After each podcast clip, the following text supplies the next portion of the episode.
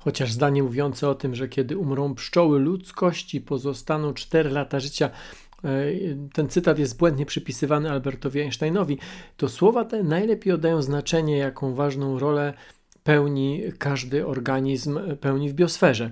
Mm, Einstein nie był ekologiem, tylko fizykiem, e, na dodatek fizykiem teoretykiem. I akurat na temat pszczół miał pewnie mgliste pojęcie, ale niezależnie od tego chciałem Wam zaproponować, by ten cytat był punktem wyjścia do dyskusji na temat roli poszczególnych gatunków i znaczenia bioróżnorodności na Ziemi.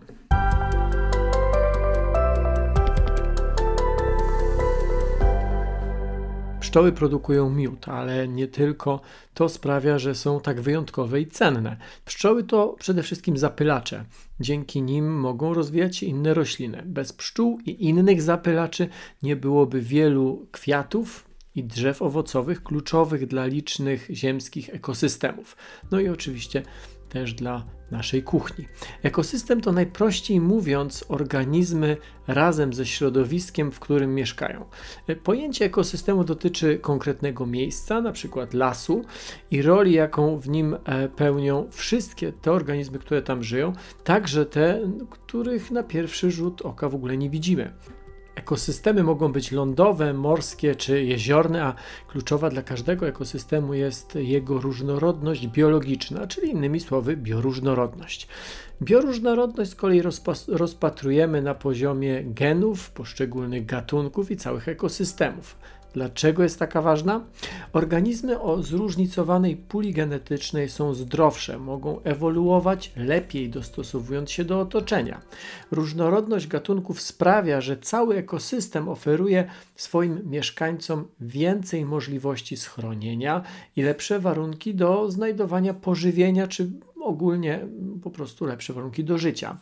Każdy z elementów ekosystemu pełni w tym ekosystemie określoną funkcję i jego brak może wiązać się z dużymi konsekwencjami, chociaż czasami te konsekwencje są odwleczone w czasie. Wspomniałem o pszczołach. Prześledźmy problem bioróżnorodności na innym przykładzie. Wyobraźmy sobie gatunek małej małpy, która żywi się owocami i żyje głównie na drzewach. Taka małpa zjada owoc i wyrzuca pestkę najczęściej na ziemię. Najczęściej też zresztą w jakiejś odległości od miejsca, gdzie owoc zerwała z pestki, przy, mm, oczywiście wtedy, kiedy są korzystne warunki, wyrasta po pewnym czasie drzewo, które pełni swoją konkretną funkcję w ekosystemie. Jest siedliskiem dla wielu organizmów i pochłania dwutlenek węgla, ale to nie wszystko. Drzewa stabilizują lokalny klimat, w tym magazynują wilgoć i mechanicznie stabilizują grunt. Co się stanie, gdy z jakiegoś powodu zabraknie tych małych małp, które rozrzucają nasiona? Cała biosfera, którą tworzą wszystkie organizmy żywe zasiedlające różne ekosystemy, pozostaje w, w takiej swoistej równowadze. E, w momencie, kiedy ta równowaga zostaje zaburzona, natura stara się ją samoistnie wyregulować. Czasami daje radę, czasami nie.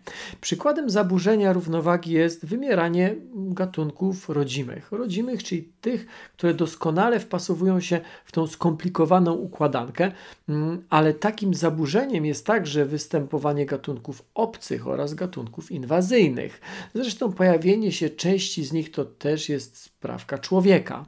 Gatunki obce to takie, które występują poza swoimi naturalnymi zasięgami, ale nie są zagrożeniem dla ekosystemu, w którym się pojawiają. Tego rodzaju gatunki dostosowują się albo wymierają. Co innego gatunki inwazyjne. Te mogą spowodować znaczne szkody, powodują zubożenie ekosystemów, które je przyjęły, a nawet wyparcie niektórych istniejących tam wcześniej gatunków. Jak wspomniałem, za sprowadzenie niektórych gatunków inwazyjnych i zaburzenie naturalnej równowagi czasami odpowiada człowiek. I tego przykładem, czy to jest konkretny przykład, taki dość spektakularny i zresztą często pojawiający się w tych opowieściach, czy w opowieściach o bioróżnorodności, o równowadze, czyli przypadek królików w Australii. W XIX wieku zostały sprowadzone, żeby na nie polować, ale z uwagi na brak naturalnych poza człowiekiem wrogów, rozmnożyły się do niewyobrażalnych liczb, zajmując przestrzeń do życia innym, rodzimym gatunkom oraz zjadając wszystkie rośliny, które napotkały na swojej drodze. Człowiek sam musiał naprawić swój błąd, po raz kolejny ingerując w środowisko. Króliki zostały wytępione za pomocą broni biologicznej, między innymi specjalnymi wirusami, ponieważ ich odstrzał nie przynosił żadnych rezultatów. Swoją drogą, przypadki gatunków inwazyjnych wpływających na ekosystem to nie tylko domena odległej Australii. W Polsce znajdziemy choćby nawłoć kanadyjską, e, roślinę wieloletnią uprawianą w celach ozdobnych, sprowadzoną do Europy z Ameryki Północnej. Nawłoć kanadyjska świetnie się aklimatyzuje i opanowuje nowe ekosystemy, wypierając wspierając rodzime gatunki. Obecnie możemy spotkać ją praktycznie w całym kraju, m.in. na obrzeżach lasów, na wilgotnych łąkach czy choćby na nasypach kolejowych. Podobnie rzecz się ma z tym razem ze zwierzęciem, z szopem praczem. Ten kojarzony z Ameryką, jak się mogłoby wydawać sympatyczny ssak, w istocie jest bardzo sprawnym drapieżnikiem, który dodatkowo roznosi wściekliznę.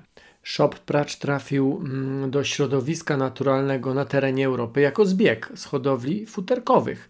W tej chwili występuje w zachodniej części Polski, ale kolonizuje coraz to nowe obszary, stanowiąc zagrożenie przede wszystkim dla płazów, drobnych ssaków czy rzadkich gatunków ptaków. Duże zagrożenie dla ptaków stanowi też inny futerkowiec, norka amerykańska, która poluje m.in. na gniazdujące na ziemi ptaki wodno-błotne. Ten drapieżnik z rodziny łasicowatych przybył do nas ze Stanów. Podobnie jak szop pracz, uciekł z ferm hodowlanych i z powodzeniem zasiedla coraz większe obszary. Żywiąc się kręgowcami znacząco zmienia lokalne ekosystemy oraz zabiera miejsce do życia swojemu europejskiemu odpowiednikowi, norce europejskiej. Według Czerwonej Księgi Zwierząt norka europejska jest gatunkiem zanikłym na terenie Polski. Ekspansywną norkę amerykańską z kolei można spotkać również na licznych obszarach chronionych w Polsce, gdzie jej szkodliwa działalność jest szczególnie niebezpieczna z uwagi na występowanie tam rzadkich i cennych rodzimych gatunków. Na zmiany w populacji ptaków tyle, że w drugą stronę może mieć z kolei wpływ przybycie do polskich wód Bałtyku babki byczej. Pierwotnie występująca w morzach Kaspijskim, Czarnym i Azowskim, babka bycza zasiedliła niemal cały bałtycki akwen, gdzie będąc pokarmem dla niektórych ptaków powoduje wzrost ich liczebności. Ta ryba z rodziny babkowatych bardzo płodna i większa od rodzimych odpowiedników skutecznie wypiera miejscowe gatunki w walce o pokarm i miejsce do rozrodu. Jakby tego było mało, babka bycza żywi się małżami, ograniczając ich liczebność oraz zabiera pokarm wielu rybom, które są odławiane na cele gospodarcze do jedzenia przez nas, ludzi. Akurat o wodę ryby nie muszą konkurować, ale ostatni przykład, o którym chcę wspomnieć, to roślina, która zabiera wodę i światło innym. Chodzi o barszcz sosnowskiego, chyba najbardziej znany medialnie przykład gatunku inwazyjnego. Tę osiągającą do ponad 4 metrów wysokości wieloletnią roślinę sprowadzono do Polski kilkadziesiąt lat temu. Miała służyć do produkcji paszy dla zwierząt. Barszcz Sosnowskiego szybko wydostał się z kontrolowanych upraw, opanował nowe obszary i obecnie występuje na całym niżu polskim. Jest bardzo ekspansywny i trudny do wyplenienia. Oprócz tego, że zabiera dostęp do światła i wody innym roślinom, może być również niebezpieczny dla zwierząt i ludzi. Obecne w jego liściach związki chemiczne w kontakcie ze skórą w słoneczny, ciepły dzień mogą spowodować poparzenia. Mam nadzieję, że nikt z Was nie miał z jego powodów problemów. Historia Ziemi liczy sobie ponad 4,5 miliarda lat. Szczątki najstarszych znanych człowiekowatych australopiteków datowane są na około 4 miliony lat. Najstarsi przedstawiciele Homo sapiens pojawili się około 200, może 300 tysięcy lat temu. Rolnictwo to historia zaledwie około 10 tysięcy lat wstecz, a cywilizacje jeszcze mniej, no może kilka tysięcy. W historii Ziemi i historii istnienia życia na niej przypadek człowieka jest zaledwie mgnieniem. Z punktu widzenia ekologii człowiek to bardzo inwazyjny drapieżnik, odporny mm, na zmiany w biosferze, które, który wyewoluował w czasie największej różnorodności gatunkowej, jaka miała miejsce w historii naszej planety. Okres, w którym człowiek zostawia swoje ślady, które będą odczytywać może w przyszłości badacze historii Ziemi, zyskał już swoją nazwę antropocen. Nie jest to oczywiście pełnoprawna epoka geologiczna, raczej podkreślenie, jak bardzo rozpychamy się w różnych ekosystemach i jak wiele śladów w postaci betonu, dróg mm, i zmienionego krajobrazu zostawiamy, ingerując w środowisko. Coś, co można nazwać antropocenem, trwa zaledwie od kilkuset lat. Można umownie przyjąć, że od czasów rewolucji przemysłowej. Sam człowiek w historii Ziemi jest zaledwie przez chwilę. Jeśli całą historię naszej planety sprowadzimy do 24-godzinnego zegara, człowiek pojawił się o godzinie 23.58 sekundami. Z całej doby historii świata człowiek mm, urządza się e, na nim niewiele ponad minutę. Człowiek rozwijający cywilizację znacznie krócej. Homo sapiens jest jedynym gatunkiem zdolnym do manipulowania biosferą w dużej skali. Znany jest choćby spektakularny przypadek ekosystemu jeziora Aralskiego, którego degradację spowodowaliśmy przez swoje nieprzemyślane próby zmiany stosunków wodnych, głównie przez sztuczne nawadnianie przyległych do jeziora terenów, tak aby można je było przeznaczyć na tereny rolnicze. Wody z rzek, które zasilały zbiornik, były rozprowadzane po pustyniach, zamiast trafić do niknącego w oczach akwenu. W efekcie przez 50 lat, od roku 1960 do roku 2010, wielkość jeziora Aralskiego zmniejszyła się ponad sześciokrotnie. Chociaż podejmowane są próby przywrócenia świetności jeziora Aralskiego, to na ten moment trzeba stwierdzić, że istniejący tam pierwotny ekosystem przeszedł do historii. Na temat, o którym dzisiaj opowiadam, można spojrzeć tylko z naszego ludzkiego punktu widzenia. Cała nasza planeta wraz z jej biosferą, klimatem, a także wodą i powietrzem stanowi swoisty system podtrzymywania życia dla ludzi, umożliwiający przetrwanie i rozwój cywilizacji. Kilkudziesięcioosobowa międzynarodowa międzynarodowa grupa badaczy wyliczyła dość precyzyjnie granice sprawiedliwego dla wszystkich i bezpiecznego systemu. Wyniki swoich prac opublikowali na łamach prestiżowego magazynu Nature. Jak można było się spodziewać, wiele z tych granic lokalnie i globalnie zostało już przekroczonych. Czym są te granice? Na jakich polach się je wyznacza? Naukowcy zajęli się problemami zanieczyszczenia powietrza, przenawożenia, dostępu do słodkiej wody czy globalnego wzrostu temperatury. Nie pominęli również kwestii najważniejszych dla nas z punktu widzenia dzisiejszego tematu żywej natury, rozumianej jako ekosystemy i bioróżnorodność. Szacuje się, że bezpieczna granica pokrycia lądów przez naturalne ekosystemy wynosi około 50-60%. Została ona przekroczona, bo realny udział naturalnych systemów jest już dziś o około 10% niższy. Oczywiście to jest wszystko ze sobą obustronnie powiązane. Ekosystemy to ochrona gatunkowa, ale także kwestia pożywienia, czystej wody czy stabilnego klimatu. Z całym systemem podtrzymywania życia dla ludzi w rozumieniu badań opublikowanych w Nature wiąże się również pojęcie usług ekosystemowych, o których wspomnę za kilka chwil. Na pytanie, ile jest gatunków organizmów żywych na Ziemi, prawdopodobnie nigdy nie znajdziemy odpowiedzi. Szacunki naukowców różnią się nawet o dwa rzędy wielkości. Spotkałem się z wartościami od 2 do nawet 100 milionów, z czego większość gatunków jest nieodkrytych i może wymrzeć, zanim dowiemy się o ich istnieniu. Niedawne estymacje mówią o przedziale między 7,4 a 10 milionów gatunków. Oczywiście mówię o eukariotach, czyli jądrowcach, do których nie zaliczają się bakterie. Raport IPBES, czyli Międzynarodowej Platformy do Spraw Różnorodności Biologicznej i Usług Ekosystemowych, opublikowany w 2019 roku, szacuje liczbę gatunków na 8 milionów, wskazując, że milion z nich jest zagrożony wyginięciem. Warto zawsze mieć na uwadze, i oddzielać szacunkową liczbę gatunków od liczby potwierdzonej naukową identyfikacją i klasyfikacją. Badacze udoskonalają swoje metody i z biegiem czasu wyniki ich pracy są bardziej dokładne, więc liczba szacowanych gatunków powinna coraz lepiej odzwierciedlać rzeczywistość. Choć prawdy, czyli informacji, ile jest gatunków na Ziemi, co do jednego nie poznamy nigdy. W przypadku zwierząt mówi się o ponad milionie znanych gatunków i kolejnych milionach nieodkrytych. Pamiętajmy o bezkręgowcach. Szacuje się, że samych chrząszczy jest około 400 tysięcy. W przypadku roślin znamy kilkaset tysięcy gatunków, a kolejne tysiące czekają na odkrycie. Wygląda jednak na to, że większość roślin udało nam się odkryć co innego bakterie, których mamy skatalogowanych tysiące różnych, a których szacowana liczebność gatunkowa sięga pewnie milionów. Nie zapominajmy również o grzybach czy protistach.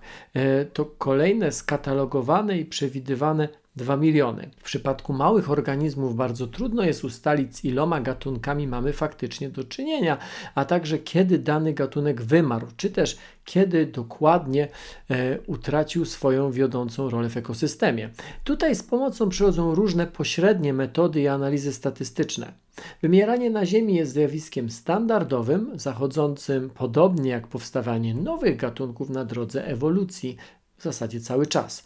Poza tym normalnym rytmem paleontolodzy wyróżniają pięć tak zwanych wielkich wymierań, kiedy to liczba gatunków e, zmniejszyła się o kilkadziesiąt procent. Swoją drogą niektórzy badacze wyróżniają sześć takich epizodów w przeszłości. Wielkie wymierania wynikały z działalności wulkanów, uderzeń meteorytów czy zmian klimatycznych. Były gwałtowne, ale w geologicznej skali czasu trwały wiele tysięcy, a nawet może miliony lat. Obecność człowieka zmieniła zasady gry i wymieranie niektórych gatunków stało się kwestią setek, a nawet dziesiątek lat. To rodzaj presji na środowisko, z którą nasza planeta dotychczas się nie mierzyła. Wymierają duże gatunki ptaków i ssaków, na które polujemy. Wymierają owady wskutek działania pestycydów, które stosujemy. Wymierają rośliny, a także zwierzęta, w tym liczne bezkręgowce zamieszkujące w ekosystemach które niszczymy budując drogi, miasta, regulując rzeki czy szukając nowych miejsc do upraw. Na skutek zmian klimatycznych będących efektem działalności człowieka wymiera wielka rafa koralowa, będąca siedliskiem tysięcy gatunków. Brak dużych zwierząt zauważymy w pierwszej kolejności, ale wymieranie bezkręgowców czy mikroorganizmów, czasami nawet mm, przez nas nieznanych, również niebawem odczujemy. Wszak często to te małe, niezauważalne organizmy są podstawą funkcjonowania wielu cennych ekosystemów. Roli małych, niewidocznych gołym okiem organizmów, czy choćby roli bezkręgowców, nie wolno trywializować. Te ostatnie to około 95 do 97% współcześnie występujących na Ziemi zwierząt. Jeżeli weźmiemy pod uwagę ich faktyczny ubytek, okazuje się, że istotnie jesteśmy w trakcie masowego wymierania gatunków.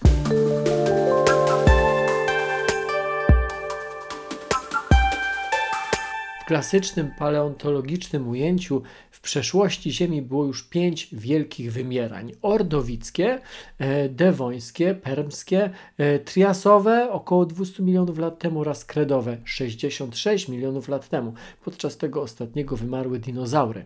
Obecnie ekolodzy postulują, żeby gwałtowne zmniejszanie się bioróżnorodności na Ziemi, które to zmniejszanie jest efektem działalności człowieka, potraktować jako kolejne, szóste już wymieranie. Szacuje się, że w ciągu ostatnich 600 lat straciliśmy na Ziemi 150 do 250 tysięcy gatunków. To kwestia przede wszystkim szkody dla otoczenia, ale także szkody dla nas. Ekosystemy świadczą nam wiele usług, podnosząc nasz dobrostan, niszcząc ekosystemy i przyczyniając się do wymierania gatunków, pozbawiamy się naturalnych leków, pożywienia, schronienia, nie wspominając już o walorach krajobrazowych. Czy da się to jakoś policzyć? Zatrzymajmy się teraz na chwilę i zastanówmy się, ile daje nam chociażby las, ile aktywności możemy w nim wykonać, ile rzeczy w naszej kuchni czy apteczce z niego pochodzi. Zacznijmy od kulinariów. Mamy dostęp do wody, owoców leśnych, miodu, czy jeśli ktoś lubi, do dziczyzny. W lesie rośnie dużo ziół wykorzystywanych jako przyprawy, ale także w medycynie. Wiele leków, także tych standardowych, opiera swoje działania naturalnych składników, po które sięgamy y, do przyrody, do lasu. Dzięki naturze możemy leczyć wiele chorób. Naturalne związki aktywne wykorzystywane są choćby w terapii chorób nowotworowych. Lasy pomagają nam zadbać również o nasze zdrowie psychiczne. Wypoczynek, wyciszenie, ruch i rekreacja to wszystko dla naszego dobra. Na tym nie kończą się usługi ekosystemowe świadczone nam przez lasy. Wspomniałem już chociaż wcześniej, że drzewa w lasach regulują klimat, absorbują hałas, magazynują wodę, stabilizują glebę i oczywiście zapewniają wiele naturalnych siedlisk dla zwierząt, także tych, które my później wykorzystujemy na swój użytek. Czy ktoś ktoś się kiedyś zastanawiał, ile to jest warte? Tak, konkretnie w przeliczeniu na pieniądze. Próbę podjęto chociażby w Living Planet Report w 2018 roku. Stwierdzono tam, że wartość usług ekosystemowych, jakie świadczy nam w Polsce las, szacuje się na około 120 miliardów złotych. Dla porównania to około 30% dochodów budżetu naszego państwa w tym roku.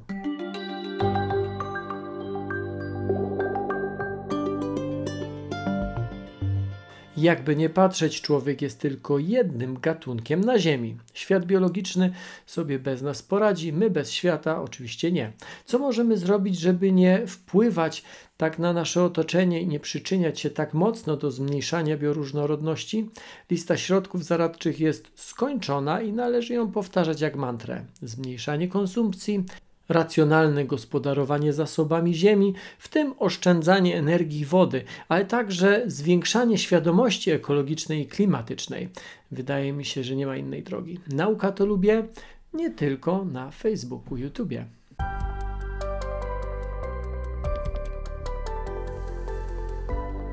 Materiał powstał w ramach kampanii Chroń bioróżnorodność realizowanej przez Ministerstwo Klimatu i Środowiska oraz finansowanej przez Narodowy Fundusz Ochrony Środowiska i Gospodarki Wodnej.